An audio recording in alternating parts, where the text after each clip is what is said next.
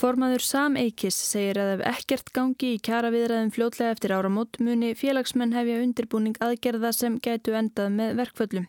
Viðræður við ofinbera starfsmenn hafa staðið yfir í nýju mánuði og ljósta þær munu dragast fram á næsta ár. Samhangandi kjara viðræður hinn eimsu félaga hafa nú staðið yfir í rúmt ár. Viðræður á almennamarkaðanum hófust á haustugum í fyrra. Þeim laug reyndar eftir talsverð átöku með svo kalluðum lífskjærasamningi 3. apríl á þessu ári. Á sama tíma losnuðu samningar ofinbæra starfsmanna hjá ríki og bæ. Viðræður hafa staði við síðan reyndar með sumar hlýjum og það sér ekki fyrir endan á þeim. Nýju mánuður eru linir og samningar eru ekki enni höfn. Nei, sjálfsögð ekki. Þetta gengur náttúrulega ekki segir Árni Stefán Jónsson formaður Sameikis auk ofinbæra stafsmann eru til dæmi samninga flugmanna við Air Connect flugfreyja flugumferðarstjóra og bladamenn hafa ekki enn samið. Samningar þessara félagan hafa verið lausir nokkuð lengi. En hljóðið félagsmennum Sameikis er farið að þingjast Það má svo sem segja ef við hefðum við nú að gera eitthvað rosalega mikilvægt á þessu nýju mánuðum, verið einhvers konar gangur eða mikilvægar viðröð sem hefðu átt sér stað, þá hefðum maður kannski sagt ok, hins vegar hefur það bara alls ekkert verið þannig. Einan BHM hafa félagir skipst í tværi fylkingar þegar kemur að kjara viðröðum. Anna-Maria Frímansdóttir er óttamaður í samninganemndi sem semur fyrir BHM 11 eða 11 félug innan BHM. Nei, við teljum þetta alls ekki viðnandi og við erum orðið mjög óþröyu full að ná saman. Þegar þú talar um að uh, þið sjóðin uh, óþröyu full, er komið að því að já, hugsaðan að fara í ykkur aðgerðir? Það er óruleiki í baklandinu en við erum kannski ekki komin á þann stað að, að, hérna, að íhuga aðgerðir en, en við erum í samtali núna og, en ef að hlutinir ganga ekki þá er aldrei að vita. Þá tökum við stöðun og sjáum hvað gerist. Þórun Sveinbjörnadóttir formadur BHM segir þegar hún lítur tilbaka að það hefði mátt forgangsraða málum betur. Þetta er óneitanlega mjög ankannaleg staða að þetta hafi tekið svona langan tíma en stundum þarf langan tíma til að semja. Eh, ég hygg að eh, það sem valdi mestu um sé hversu margir samningar séu lausir í einu.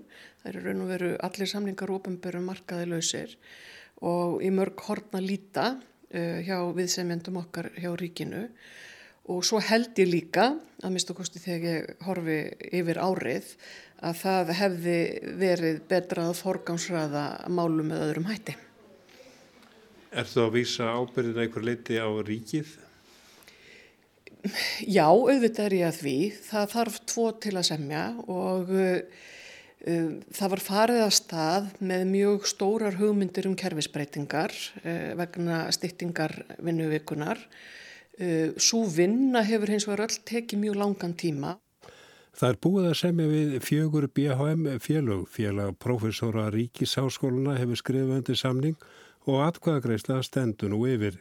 Þegar líkja samningar á borðinu um styttingu vinnuvikunar meðal dagvinnufólks, hins verð á eftir að semja um fjölmörg önnur mál hjá þeim félögum sem eru enni við samningaborðið. Þá við um stýttingu vinnuvikunar hjá vaktavinnufólki, jöfnun launa mellir markaða og svo sjálfa launahækarnirnar, svo eitthvað sé nefnt. Allt hangir þetta saman þar til endalega verður skrifað undir. Kalt mat er að háskólamenn séu ekki farnar að velta mikið fyrir sér aðgerum. Þeir fóri í verkvælda 2015, deilan endaði með kjaradómið. Þórun Sveinbjörnadóttir formadur BHM segist ekki að orðið vörfið mikla óþreyju meðal félagsmanna. Ég hef ekki orðið vörfið mikla óþreyju, nei, eh, sem að segir mér að félagsmenn aðeldarfélagana vilja að eh, við leggjum þá vinnu í þetta sem þarf og náum viðunandi samningum og það sé þá betra að það taki lengri tíma að ná þeim. Hísar er tótninni herskári til dæmis innan sameikis í áleitin trúnamanna félagsins á mánudaginn kemur fram að langlunda geð félagsmanna sér senn á þrótum. Forkastanlegum seinagangi við seminda þeirra verði að ljúka. Beitt verðu öllum ráðum til að þrýst á kröfunar ef viðræðum fari ekki að ljúka fljótlega. Árni Stefán Jónsson að formaðu sameikis talar um að undirbúningur aðgerða eða þrýsti aðgerða eins og hann kallar það gæti hafist í janúar ef engin framgangur verði við ráðunum. umræðinu fann að þingjast verulega í okkar félagi og ég er bara nýkomin að trúnamannaráðsfundi þar sem að menn vorum orðinir mjög óþólimóðir svo að við erum með álöktun núna frá trúnamannaráðsfundi þar sem er verið að íta það að við förum að hugsa málinn e, verulega eftir áramót og það er e, það verkplan sem við erum svona hanna við byrjum í janúar að, svona, ef þetta fyrir geta ganga að byrja að undibúa einhvers konar þrýsti aðgerðir sem að lokum mun vantanlega leiða til verkvals en það er ekki fyrsta fyrsta atriði en, en það gæti þó að lokum komið að því. Þetta var árni Stefán Jónsson, Arnar Pál Haugsson tók saman. Það var bara klikkað. Það hefur svo sem orðið jafn kvastjú en, en þessi slitta og þetta hitastig sem allt svo nákvæmlega í íþingur. Það voru, já, öruglega tveggja, þryggja centimetra sjór yfir allt saman. Það fór alveg yfir alla íbúð. Svona gríðalugur vindstyrkur, eitthvað sem að menn kannski þekki ekki mikið sko. Þetta var ekkert venjulegt veður en það breytir því ekki að veðri minnir okkur á hvar við búum, að við getum alltaf átt von á slíkum veðurum og verðum að vera undirbúin þegar þau ganga yfir. Fárviðrið sem gekk yfir landið í síðustu viku afhjúpaði veikleika í innviðum en líka hversu berskjölduð við erum hvert náttúruöflunum. Þrátt fyrir alla tæknina er hægt að lenda í því árið 2019 eins og svo oft hefur verið sagt síðustu daga að vera án rafmaks og hita sambandslaus við umheiminn í húsi sem hefur nánast snjóað á kaff. Fólk dustaði í óveðrinu ríkið af veðulýsingarorðum og viðskeitum sem eru bara nótuð spari. Verið var kolsnældu vittlust, band, sjóðandi brjálað, fóráttu vond, bílurinn ösku þreyfandi.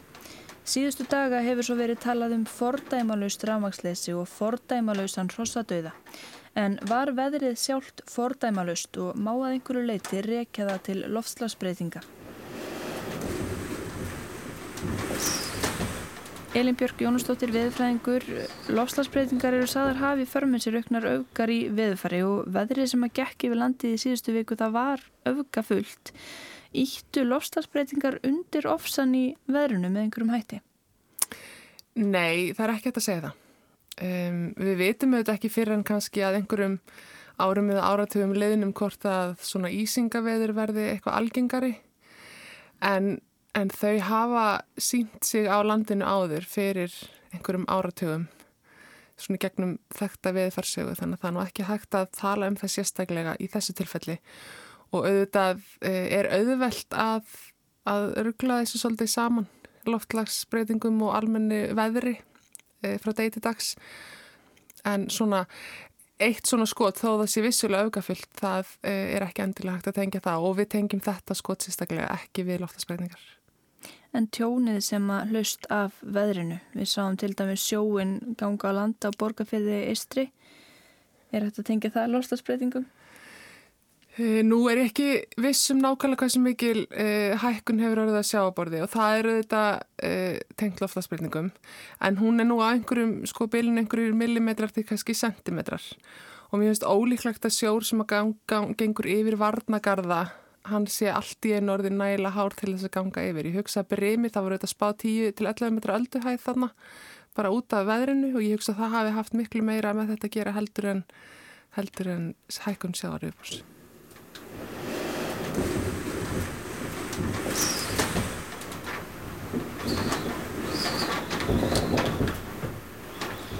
Lærdómurinn er þá kannski sá að lofslagsbreytingar, já, þó það er ítundir öfgar í veðfari, að þá getur veðfar verið öfgafullt án þess að það hafi nokkuð með lofslagsbreytingar að gera. Já, það getur alveg verið það.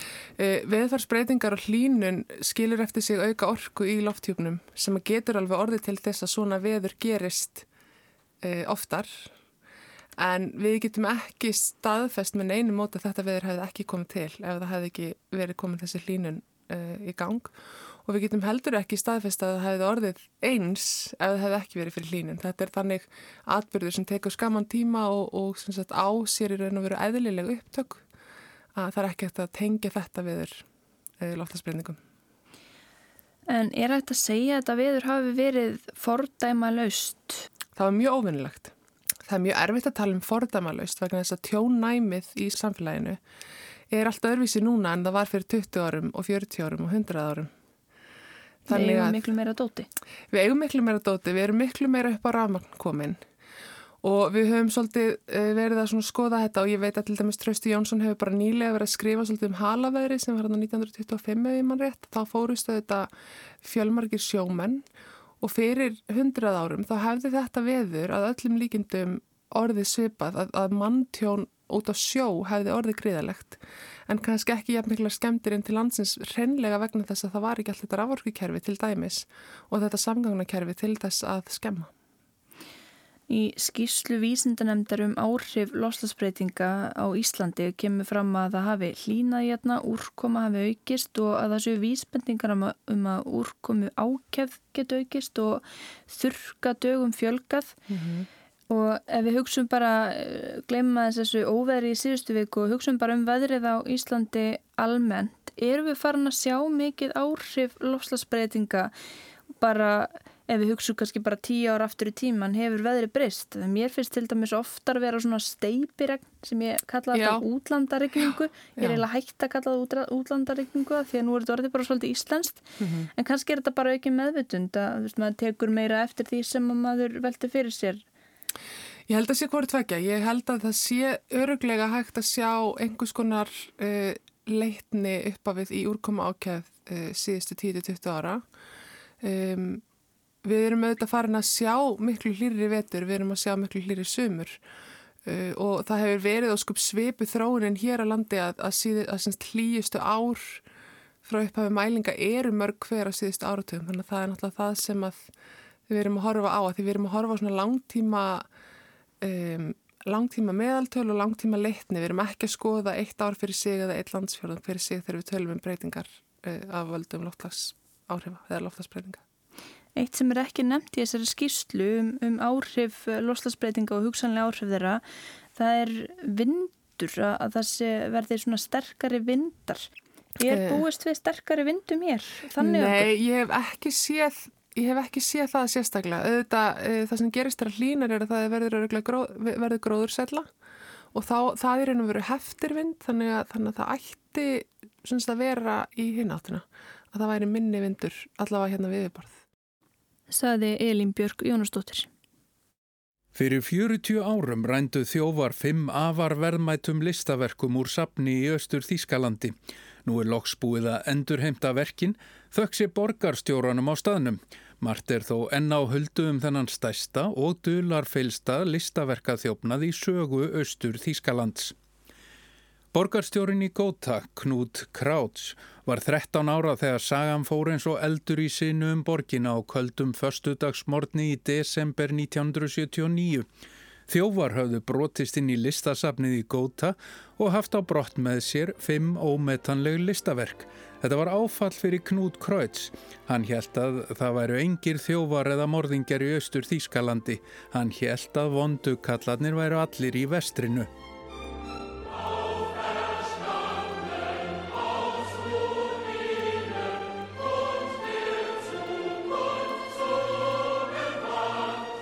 Knút Krauts er búin að vera borgarstjóri í Góta frá 2006 og á dögunum rættist 40 ára gamall draumur. Hann hefur loksins fengið stólnum myndirnar í hendurnar.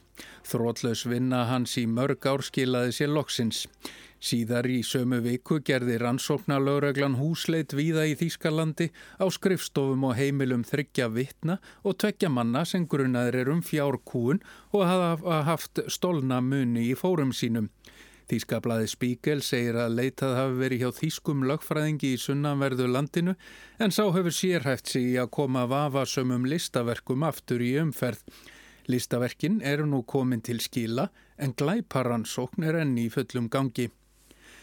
Borgarstjórin hefur verið með þetta listaverkarán á heilanum í fjóra áratugi og hefur sem borgarstjóri lagt mikla vinnu í að leita verkana. Hann stóð fyrir mikilli fjölmiðla herrferð fyrir áratug til að reyna að komast til bots í málinu en allt kom fyrir ekki. Dulafulli lögfræðingurinn ringdi svo í borgarstjóran Krauts í júni árið 2018. Hann síndi honum síðar myndir af stólnu verkonum 5 og sagði að umbjóðandur hans vildu koma verkonum til skila, reyndar gegn ríflegri þóknun.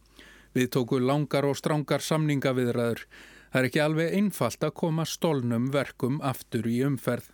Innbrótið sjálft og rannsóknin sem fyldi í kjölfarið eru reyfara kent. Þjóvarnir klifu kastala veggina á sapninu með flóknum klifurbúnaði og skáru gata á rúðu í tíu metra hæð frá jörðu. Innan dýra gengu þeir reynt til verks. Það var verið að sína verk hollensku meistarana. Þar tóku þeir fjögur verk eftir Frans Hals, Antonis van Dijk, Jan Brykel Eldri og Jan Lífens. Í Þískasalnum tóku þeir eitt verk eftir Hans Holbein Eldri. Þeir komu verkunu niður sömuleið og þeir komu inn, niður tíu metra kastala vekk. Verkin fimm voru metin á fjóra og halva miljón vestur Þískra marka fyrir 40 árum. Þetta var verk fyrir öryggislaurugluna Stasi og allt var sett á fullt. Sérstök deild var stopnuð innan Stasi til að leysa málið og í henni voru 95 lauruglumenn. Öllum steinum var velt við. 1027 sem byggu eða unnu nálagt sapninu voru rannsakaðir sérstaklega og mánuðum og árum saman var fylst náið með 252 sem tengdust sapninu sérstaklega. Mörgundruð þjóvar og ræningar voru rannsakaðir og yfirherðir og 86 þekktir þjóvar í nágrenninu voru yfirherðir gömgjafilega. Gerðar húsleit hjá 86 þeirra, 1045 bifriðar voru rannsakaðir í þaula. Allar vísbendingar voru rannsakaðir í þaula en án árangurs og rannsókninu var að lokum hætt um miðjan nýjunda áratugin. Knút Krauts sætti sig aldrei við þær málaliktir og sem borgarstjóri í næstum 14 ár hefur hann lagt mikinn þunga í málið. Hreyfing komst lokst á málið í júni í fyrra þegar lögfræðingurinn hafði samband. Átján mánaða samninga viðræður lögmannsins og borgarstjórans eru efni í pisla röð. Flækjustíð var gríðarlegt. Umbjóðandur lögmannsins vildu ekkert gefa upp um hvernig verkin komust í þeirra hendur eða yfir höfuð hverjir þeir væru. Borgarstjórin gati ekki ráðfært sig við neitt til að fæla engan frá. Seljendur vildu fullt af peningum en borgarstjórin gati ekkert borgað. Samtök sem styrkja endurheimt glatara verka voru í flókinu stöðu. Í raun var þetta allt saman ólöglegt að svo mörguleiti að eilan var þetta algjörlega vonlaust. En til að gera mjög langa og flokna sögustutta tókust samningar á endanum. Borgarstjórin samþykti að borga 5,25 miljónir evra eða 720 miljónir króna án þess að vita almennilega hvernig það er þið gert. Láreglan var komin í málið og fyldist grant með þegar verkin voru afhengt. Maðurinn sem kom með þau var krafinn Sagna og ságaf upp reyfarakenda sögu. Þar áttu að koma við sögu stríðsfangar í Rúslandi, flóttamenn og góðmennska sem endaði því að verkin enduði í höndum fjölskyldum mannsins sem erði þau á samt sískinum sínum við andlát föðurins. Ekkert af þessari frásög stóðst neina skoðun, ekki sér fyrir endan á rannsók málsins og borgarstjórin Knút Krauts er reyndar ekki bjart síðan á að fá nokkuð tíman botni hvað það var sem gerðist þessa örlagaríku desember nótt fyrir 40 árum en verkin eru loks komin aftur til síns heima. Pálmi Jónasson saði frá.